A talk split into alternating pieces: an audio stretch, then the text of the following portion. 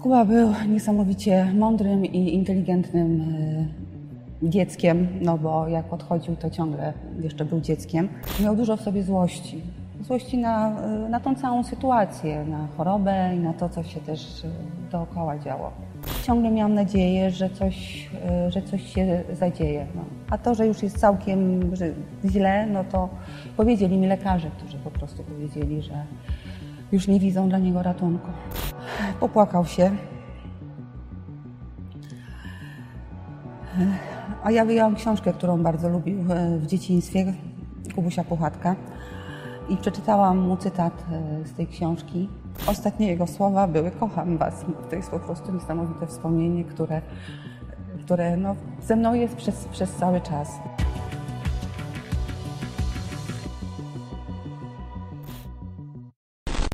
Kuba miałby dzisiaj 22 lata, zmarł w wieku 16.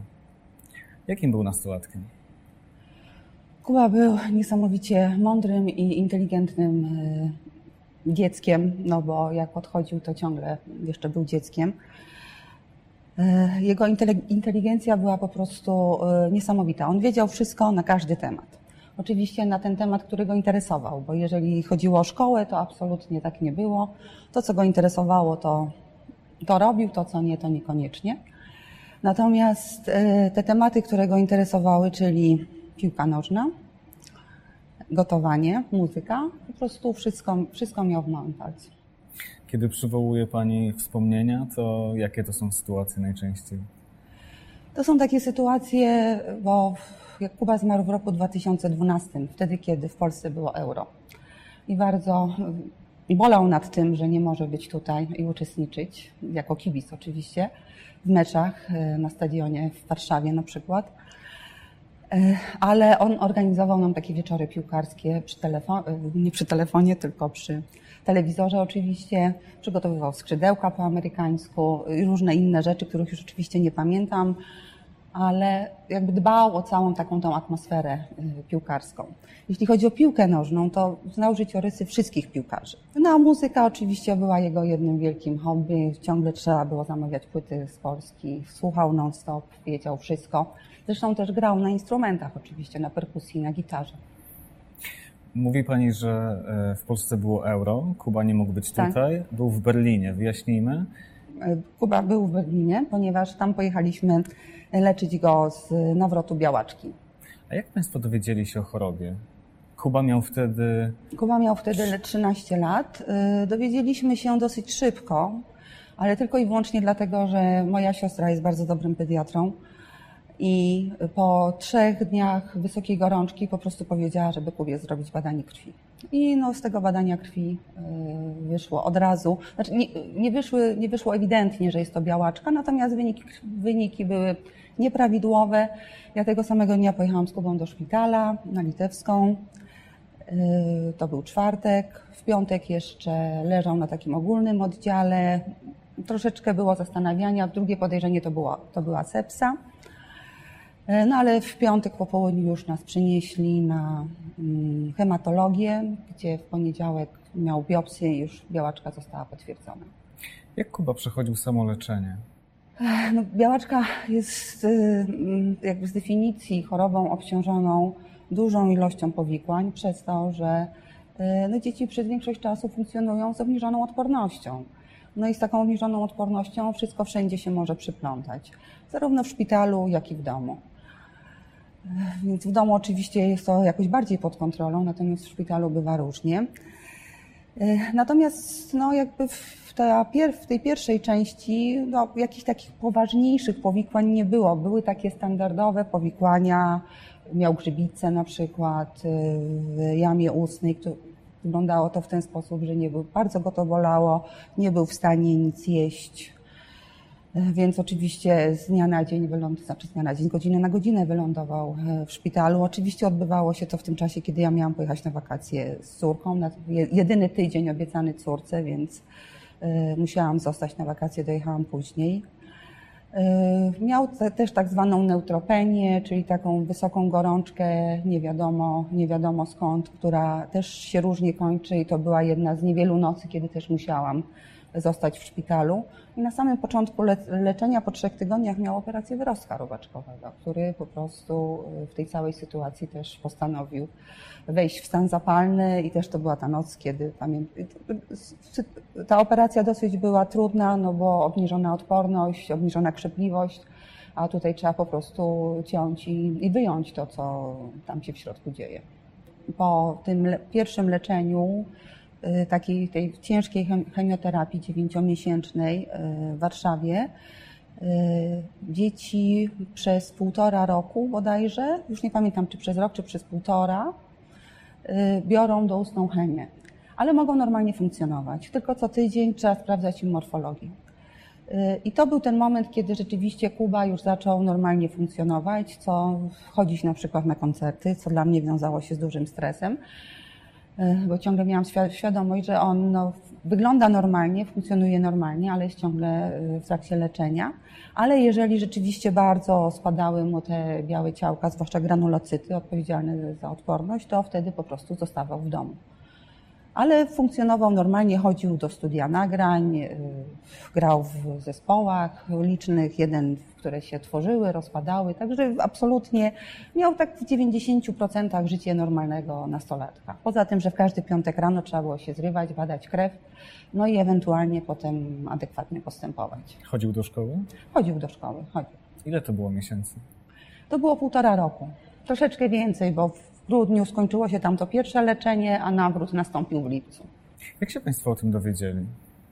Co się stało? No więc diagnoza nawrotu trwała niestety o wiele dłużej y, niż y, diagnoza samej białaczki. Y, to było tak, że wyjechałam z Kubą na wakacje i był tydzień ze mną, potem tydzień na wakacje na Kaszuby, potem tydzień był u moich rodziców, a ja byłam na, na czasach odchudzających w ośrodku obok, bardzo blisko. I co drugi dzień przyjeżdżałam i sprawdzałam. No i Kuba zagorączkował. No to ja oczywiście jak zagorączkował na początku, ponieważ już takie rzeczy się zdarzały, nie było jakiegoś dużego niepokoju. Yy, pojechaliśmy następnego dnia w czwartek zrobić badanie krwi. No i już w tym badaniu krwi wyszło.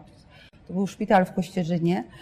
E, gdzie panie laborantki w ogóle miały wątpliwości, bo nie mają zbyt często kontaktu z takimi pacjentami, ale e, no niestety rozpoznały dobrze. Więc wróciliśmy oczywiście do Warszawy. No, ta podróż była bardzo trudna. Kuba na środkach uspokajających. Ja płakałam przez, prawie przez całą drogę. Powiedzieli, żeby powtórzyć te badania w poniedziałek. Ja oczywiście nie czekałam do poniedziałku, bo leciałam w sobotę. W sobotę się wyniki poprawiły. W niedzielę były moje urodziny, więc taki Kuba mi zrobił prezent na urodziny. W poniedziałek znowu po, y, zrobiliśmy badania, wszystko było dobrze, no a potem zrobiliśmy w środę, już niestety nie było dobrze. No i w czwartek pojechaliśmy do szpitala, gdzie też troszeczkę to, strasznie to długo trwało, gdzie się okazało oczywiście, że Kuba oprócz tego, że ma znaczy, okazało się, że ma nawrót i to jeszcze ma nawrót taki, że miał też e, przerzuty na jądra. Dokładnie na jedno, któremu zresztą potem usunięto. E, no, było to trudne bardzo dla niego, jak i dla mnie. Tak się Kuba zdenerwował, że wyszedł ze, ze, ze szpitala i pomimo no w sumie nie najlepszego stanu zdrowia, jak wiemy, zaczął uciekać i wszedł na piechotę mm, do domu. Ale y, tak się dobrze złożyło, że lekarka powiedziała, że jeszcze może wrócić do domu i dopiero następnego dnia y, do szpitala. Miał już dosyć. Miał już absolutnie dosyć. absolutnie miał dosyć. I też myślę, on bardzo lubił muzykę heavy metalową. Y, miał dużo w sobie złości złości na, na tą całą sytuację, na chorobę i na to, co się też e, dookoła działo. Wtedy Państwo wyjechali do Niemiec? Tak, wtedy było, e, jakoś to było około 20, chyba 21 lipca się położył. 11 e, sierpnia wyjechaliśmy do Niemiec. Berlin dlatego, że jest to ośrodek, który koordynuje pracę nad wznowami, bo białaczki leczy się według protokołu, a w Berlinie opracowywali protokoły dla wznów, więc dlatego wydawałoby właściwe. się to najbardziej właściwe miejsce. I powiem szczerze, że był to naprawdę bardzo dobry pomysł, bo Kuba bardzo tam odżył. Y, wiedział, że jest w najlepszym możliwym miejscu w Europie, wiedział, widział różnice też. No oczywiście jest dużo technicznych różnic, takich inaczej pobiera się krew, inaczej się zabezpiecza e, dzieci.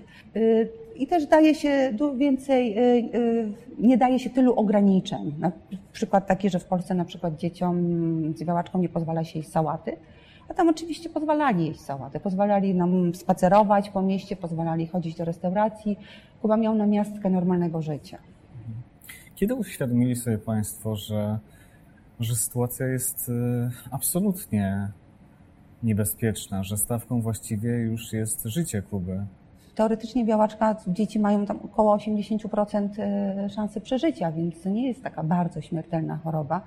Natomiast no, to, że już jest bardzo poważnie, no to okazało się wtedy, jak Kuba mm, stracił wzrok i przestał się ruszać.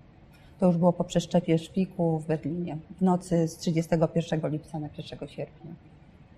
Wtedy już miałam, ale ciągle miałam nadzieję, że coś, y, że coś się zadzieje. No. A to, że już jest całkiem źle, no to powiedzieli mi lekarze, którzy po prostu powiedzieli, że już nie widzą dla niego ratunku. Czy w tamtym momencie Kuba miał świadomość?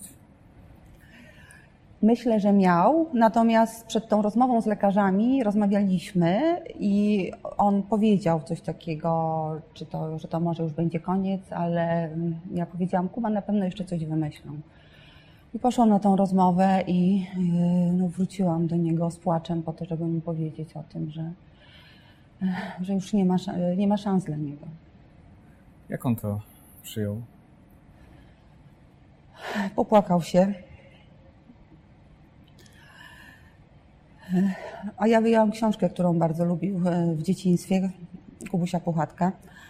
I przeczytałam mu cytat e, z tej książki, gdzie e, Krzyś pyta Puchatka, co będzie, jeżeli ja odejdę. A Puchatek mu odpowiedział, że jeżeli się kogoś kocha, ten ktoś nigdy nie znika. Ja przez cały czas żyję z tym cytatem. Co roku umieszczam informację o mszy rocznicowej z tym cytatem. Czy miała Pani okazję rozmawiać z Kubą na temat jego śmierci, jego pogrzebu, tego, co będzie później? Rozmowy na, na temat śmierci się pojawiały wcześniej, natomiast e, ja, tak jak też dużo osób o tym mówi, że najważniejsze jest pozytywne nastawienie. I ja w ten sposób też z Kubą rozmawiałam, że Kubusiu, najważniejsze jest to, żebyśmy zakładali, że wszystko będzie pozytywnie i wtedy wszystko się ułoży. Także takich rozmów y, wprost y, przed tą informacją o tym, że już nie ma dla niego szansy, y, wprost nie było. Aczkolwiek takie sygnały się pojawiały. Była taka sytuacja w styczniu, chyba zmarł we wrześniu, że zmarło takie zaprzyjaźnione dziecko z Macedonii które mieszkało z nami, mieszkaliśmy w tak zwanym domu Ronalda McDonalda, w przyszpitalnym takim hotelu dla rodzin. E, I zmarł ten chłopak bardzo nagle. I Kuba wtedy powiedział coś takiego, mówi, o, a co by było, jakby to się, co byś ty zrobiła, jakby to się ze mną stało? Bo miał świadomość, że jestem tam sama z nim i jakby ta cała sytuacja wyglądała. Więc yy, jak potem później myślałam, to wydaje mi się, że z tyłu głowy Kuba miał to przez cały czas. Ja miałam mniej, ponieważ przez cały czas tłumaczyłam jemu i sobie, że jeżeli nie będziemy o tym myśleć, to się to po prostu nie wydarzy. Czy była Pani przy nim, kiedy, kiedy zmarł? Byłam przy nim.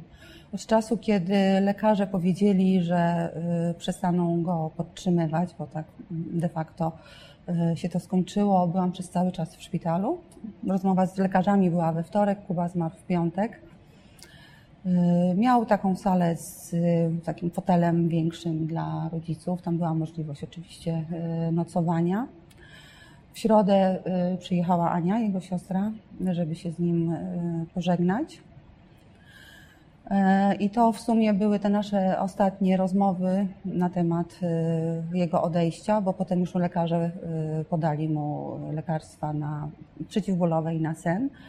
Natomiast to było właśnie w środę i to, co wtedy powiedział, to powiedział, wydał dyspozycje dotyczące swojej gitary, żeby dać ją koledze, który grał z nim w zespole. E, Wydał dyspozycję, jeśli chodzi o pogrzeb, to niestety musiałam go zapytać, bo e, nigdy o tym nie rozmawialiśmy, czy chce być skremowany, czy nie. Nie chciał. E, Gdzie chce być pochowany? Oczywiście powiedział, że chce mieć. To, to, była, to był cały Kuba, po prostu jego fantazja, że chciałby leżeć na cmentarzu z widokiem na morze.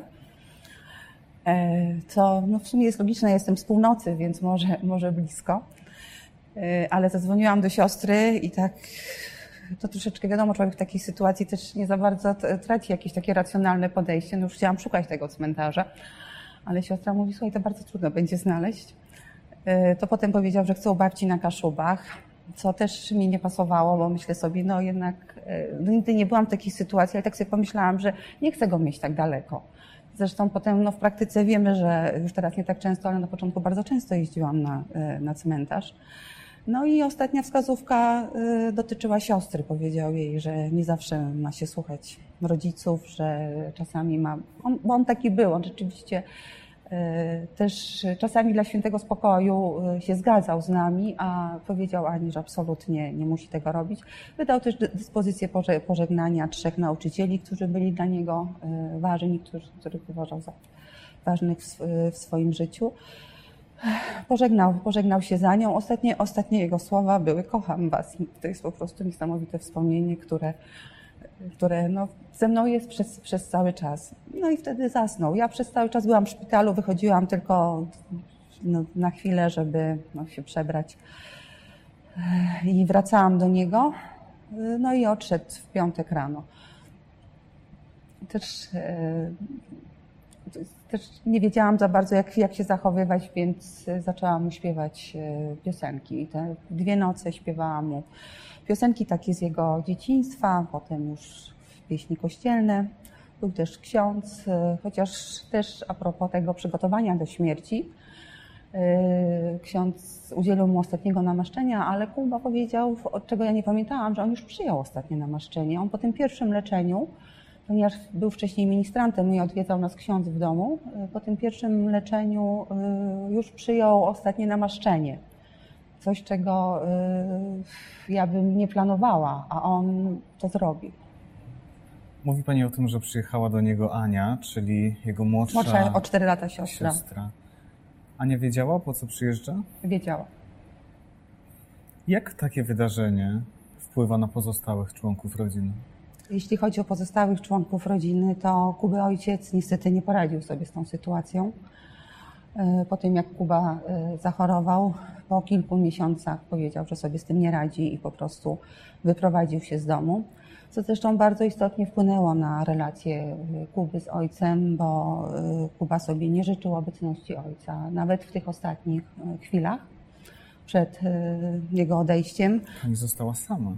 Ja byłam sama, ale ojciec był pod drzwiami i ja sama miałam dylemat, bo nawet jak ksiądz przyszedł i udzielił ostatniego namaszczenia, to y, trochę mam do, do siebie wyrzuty z tego powodu, ale zapytałam Kubę, czy nie chciałby teraz ojca, ale powiedział, że nie. Y, Natomiast w momencie, kiedy już widziałam, że są to ostatnie chwile Kuby, y, przez to, że właśnie czułam się tak strasznie samotna, poprosiłam pielęgniarkę, żeby zawołała Kubę ojca i on na ten jego ostatni oddech wszedł.